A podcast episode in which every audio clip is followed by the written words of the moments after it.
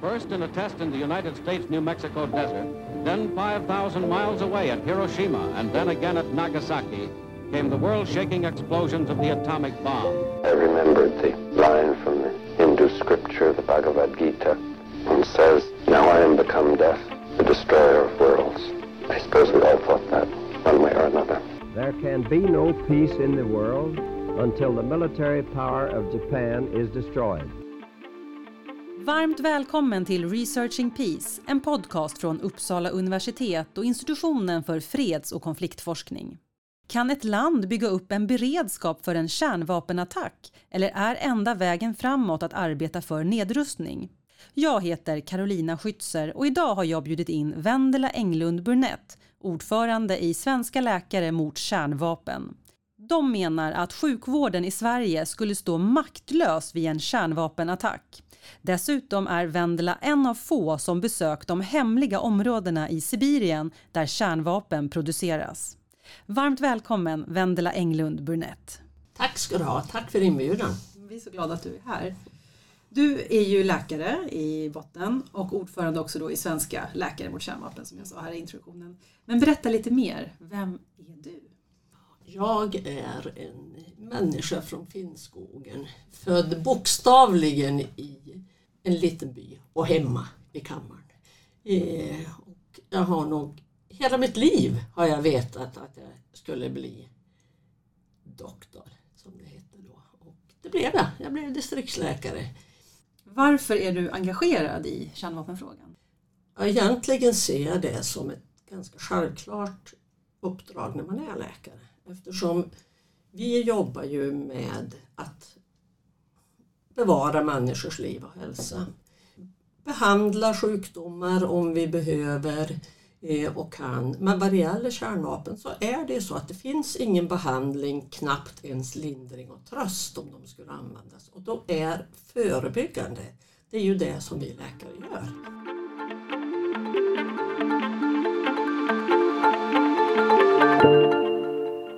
Jag har också förstått att du har rest en hel del och bland annat då besökt Sibirien. Det är jag väldigt nyfiken på. Kan inte du berätta lite mer om det? Ja, jag kan berätta lite grann. Det var ju eh, Svenska Läkare mot kärnvapen var värdar för den internationella organisationens världskongress eh, här i Stockholm 91 och då hade vi Post Congress Tours där kollegor fick åka runt. Eh, och hem till mig så kom det två ryska läkare året efter fick jag inbjudan till att besöka Tjeljabinsk i södra Ural för en konferens om skador orsakade av kärnvapenproduktion. Ingen hade varit där. Ingen visste vad det var. Resebyrån kliade sig i huvudet men jag kom dit.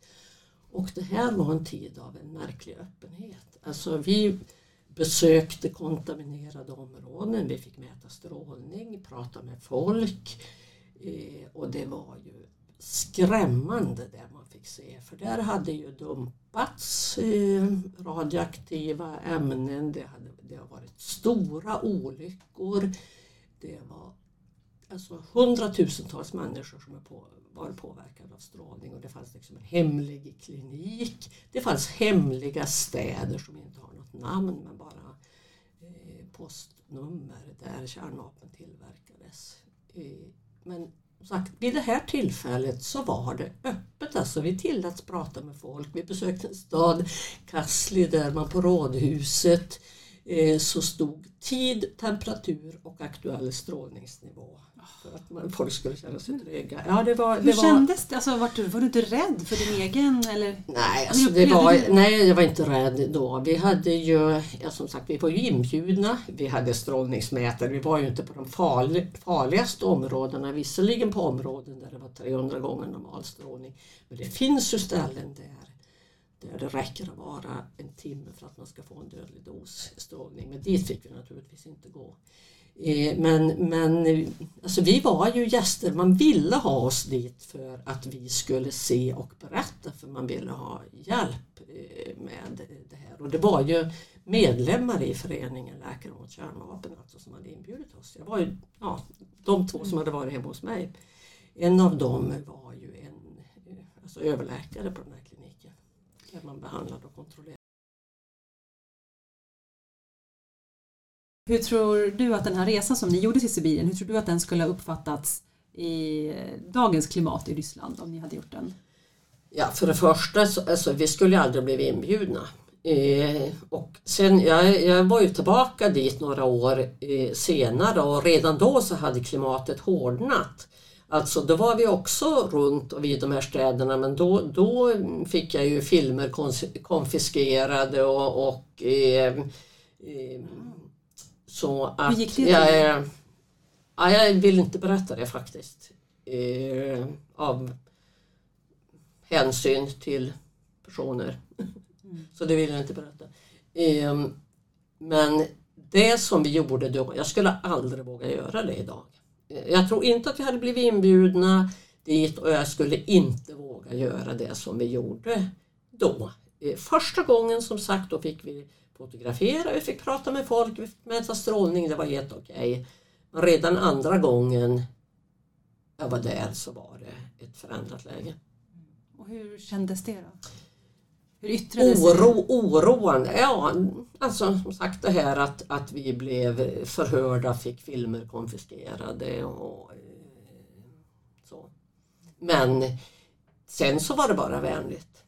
Och eh, det, mötet med eh, beväpnade vakter slutade med eh, att jag fick kommentaren You will not have any further problems in Russia.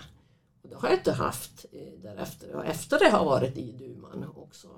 Så att, att det löste upp sig men det var en annan stämning. Mm. Hur kändes det för dig? Ehm, ja... Jag kände, jag kan känn, kände då lite så här att det var 1-1. De gjorde sitt jobb. Jag hade gjort det jag var där för. Eh, och de gjorde sitt jobb och så var vi överens om det. Att var och en gjorde det man skulle göra, det var man var ålagd att göra. Men som sagt, idag skulle nog de vakterna varit ålagda att göra något helt annat. Varför tror du att det var viktigt att ni gjorde de här resorna till Sibirien? Det var väldigt viktigt för kollegorna och människorna där i södra Ural att världen fick se vad de har blivit utsatta för. För det handlar ju om att det är den egna befolkningen som lider av kärnvapenproduktionen. De här kärnvapnen, det har ju inte sprängts några vapen där, det har inte ens testats vapen där. Men de har, de har producerats och den egna befolkningen har ju varit utsatta för enorma mängder strålning. Man har fått evakuera hela byar, tömma liksom stora områden som har varit kontaminerade. Alltså det, det är ju, som sagt, alla kärnvapen är ju, hotar ju alla människor och även produktionen har enorma konsekvenser. Och på det här mötet, det första, så var ju även alltså människor från från USA som levde i de områden där det producerats kärnvapen där. Och det är ju inte så att det finns några öppna samhällen vad det gäller kärnvapen. Även de hade ju hemlig, alltså det hade hemlighållits för dem. Eh, de var utsatta för skador, läkare som jobbade med detta eh, alltså blev av med sitt jobb och, så. Så att det, det, är ju inte så att det finns öppna fria samhällen vad det gäller kärnvapen. Det finns inte goda använda kärnvapen. Eh, och, och, så det var väldigt viktigt tror jag för dem och vi fick ju väldigt nära kontakter med, med vanligt folk också. Och det är ju jätteviktigt för det handlar ju väldigt mycket om det. Att få bort fiendebilder, komma tillbaka till den här känslan av att vi, är, vi alla är en mänsklighet och vi är i det här tillsammans. Det är precis som med klimatet. Det är ju, vi gör det ihop.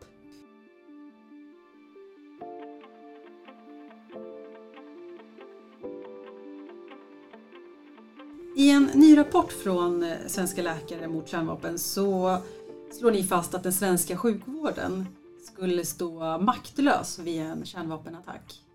Ja, vi har ju gjort en, en simulering, en matematisk beräkning eh, av vad som skulle hända om ett relativt litet kärnvapen på eh, 100 kiloton exploderade över Stockholm. Och då pratar vi om någonstans 90 000 döda och en kvarts miljon skadade människor.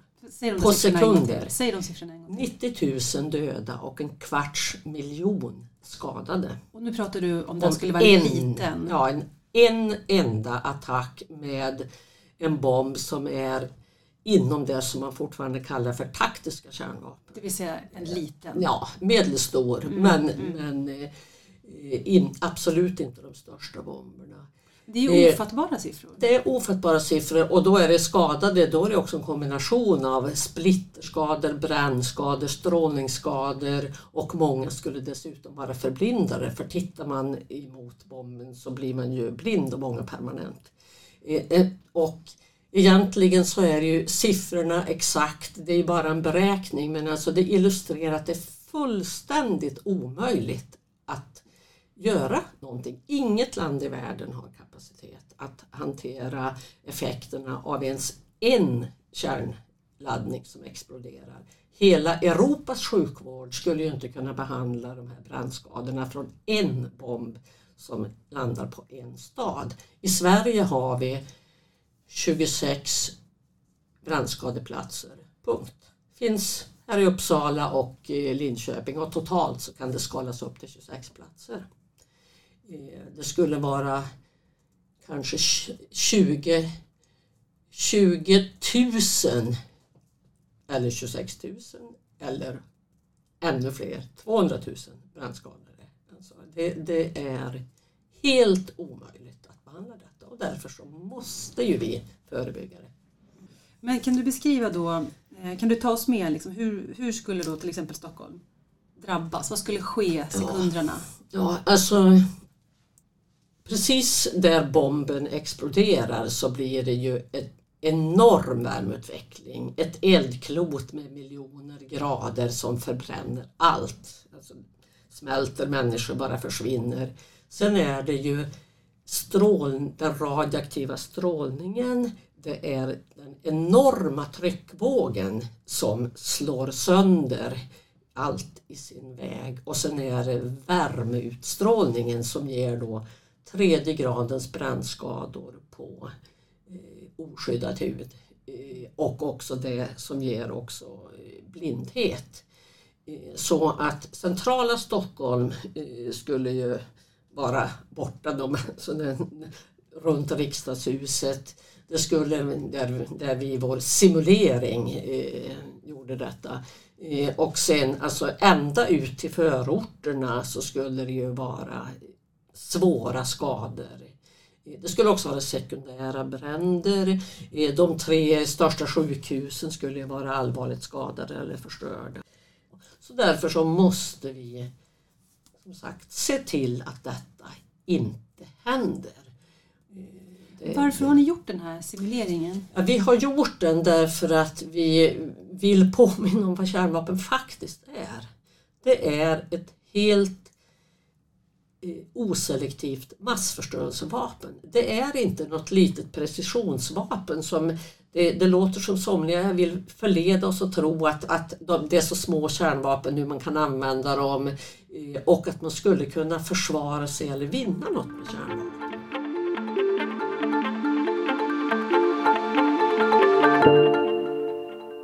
Och hur skulle klimatet i Stockholm påverkas över tid? Alltså ett kärnvapen, det skulle förmodligen inte över tid påverka klimatet. Men det finns få, om än någon seriös bedömare som tror att det skulle stanna vid ett kärnvapen.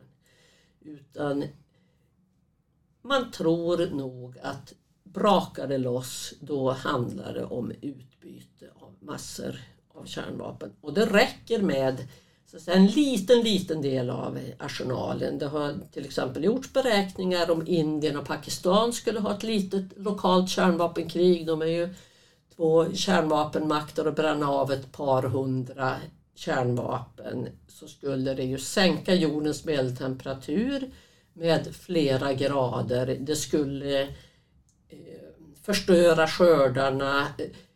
Eh, om man brände av de stora journalerna då pratar vi om kärnvapenvinter, att det kanske inte blir någon sommar på några år och det är tveksamt om vi överhuvudtaget skulle överleva det. Alltså vad det gäller matproduktion och allt. Så att även ett litet lokalt kärnvapenkrig mellan eh, två relativt små Eh, kärnvapenmakter som Indien och Pakistan skulle räcka med att liksom kvadda klimatet åtminstone på norra halvklotet eh, under flera år. Eh,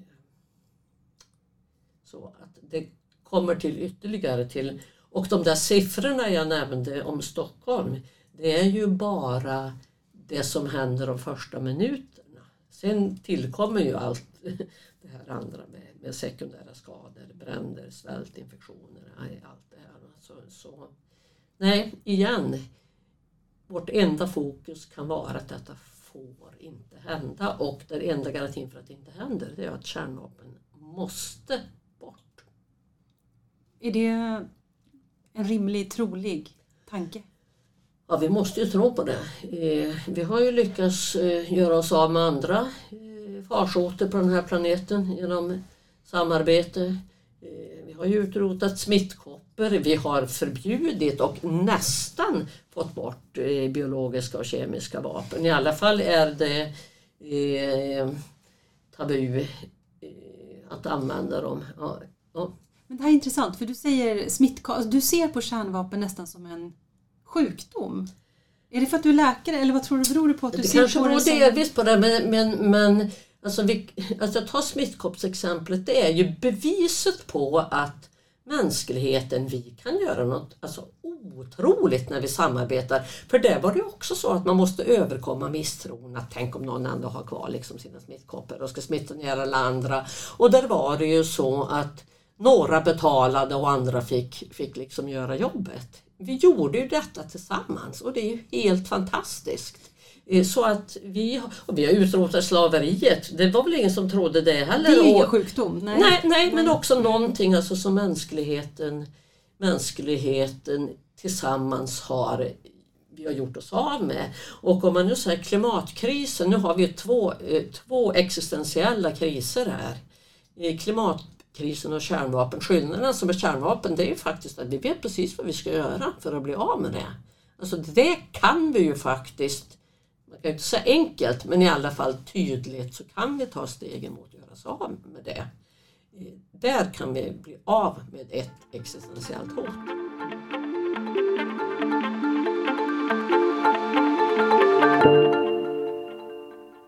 Vad spelar svenska läkare mot kärnvapen för roll tror du i, i att informera och, kring det här? Alltså jag tror nog att vi är viktiga. Vi är ju den enda organisationen så, som jobbar enbart med kärnvapenfrågan. Vi har, ju, vi har ju den enda tidskriften i Sverige som bara handlar om kärnvapen. Och vi kan säga att på vår, vi har en lärsajt, Lär om kärnvapen, och där har vi haft 200 000 besök sedan invasionen eh, av Ukraina och det visar ju liksom vilket enormt behov av kunskap om de här frågorna som finns. Vi har väl varit lyckligt lottade, vi har, har kunnat glömma bort vad det är eh, och eh, invaggas i någon sorts falsk eh, trygghet och säkerhet. Folk kanske tror på det här att det finns liksom någon sorts kärnvapenparaply som man kan krypa in under och så är man trygg och att om något skulle hända så kan sjukvården väl ta hand om oss med den fina sjukvård som vi har. Men vi känner oss tvungna att berätta att så är det inte. Och vad drar ni för slutsatser av det här då? Vi drar de slutsatser som, som vi alltid har gjort och orsaken till att vår organisation finns. Det är att det är läkares ansvar att se till att det här inte händer. Vi måste förebygga detta för vi kan inte behandla det.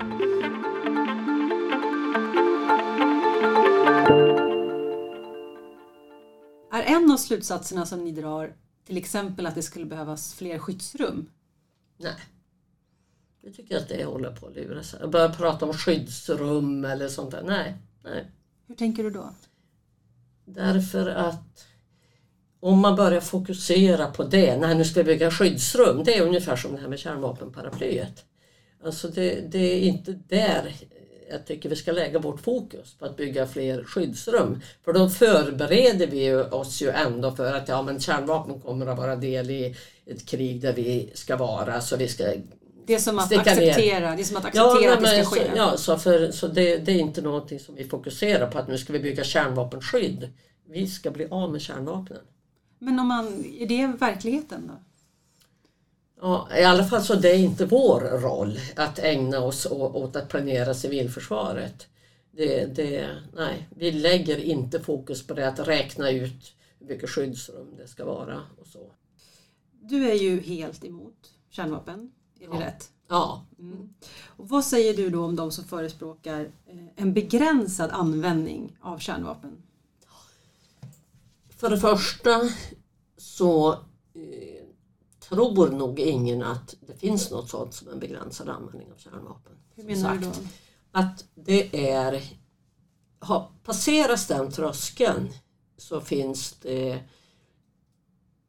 knappt någon som tror att det då inte då det kommer att besvaras från andra sidan. Därför att som sagt kärnvapen är inte försvarsvapen. Det är inte försvarsvapen, det är attackvapen. Det är, man kan säga så här, alla kärnvapen hotar oss alla. Eh, Edward Kennedy eh, gjorde en liknelse eh, om det där som jag tycker är lysande. Det är som det står två män i en källare med upp till midjan med bensin. Och så har den ena tio tändstickor och den andra har fem. Och så säger den med fem tändstickor jag ska också ha tio så jag är lika trygg som du. Och nu står nio män i den där källaren med tändstickor och vi bor alla i huset.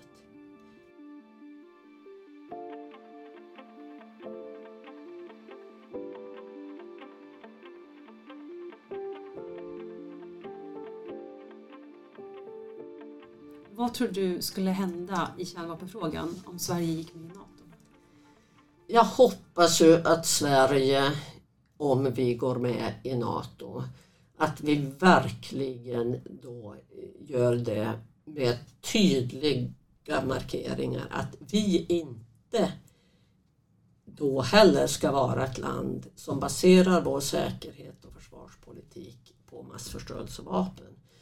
Jag hoppas verkligen att Sverige eh, likt våra grannländer deklarerar att inga kärnvapen får placeras i vårt land. Nej precis, för att just nu finns det någon teori då om att kärnvapenavskräckningen ska hålla världen i, ja. i ett lugn. Ja. Och det har vi väl fått bevisat nu att det inte gör. Det är ju just kärnvapnen som gör att Putin kan bete sig som han gör. Och Hur menar du? Utveckla det. Ja, ja, men om inte han hade kärnvapen så skulle han ju inte kunna hålla på så här. Det är ju det, alltså han, han är ju den kärnvapenladdade mobbaren som gör precis som han vill därför att han har kärnvapen. Han struntar ju i att, och som sagt till och med vad, vad han själv har sagt eh, senast i januari. Och Nordkorea också hotar med kärnvapen för några veckor sedan och Indien tappade en missil eh, för inte så länge sedan. Nu var inte den kärnvapenbestyckad men, men alltså faran finns så länge kärnvapnen finns och det har ju varit några gånger i historien där endast det faktum att det är erfarna, kloka personer med omdöme, civilkurage, personligt mod som har varit de som skulle, skulle trycka på knappen. Det är bara det som har stått mellan oss och katastrofen. Och det kan vi inte lita på att det alltid ska vara så. Eh, det kommer att hända förr eller senare genom olyckor, galningar, eh, terroristattacker eller en medveten kärnvapenattack. Alltså vi måste bli av med dem och då tycker vi verkligen att Sverige ska återta sin tidigare roll som vi alltid har haft att vara ett land som är med och driver eh, nedrustningsfrågor.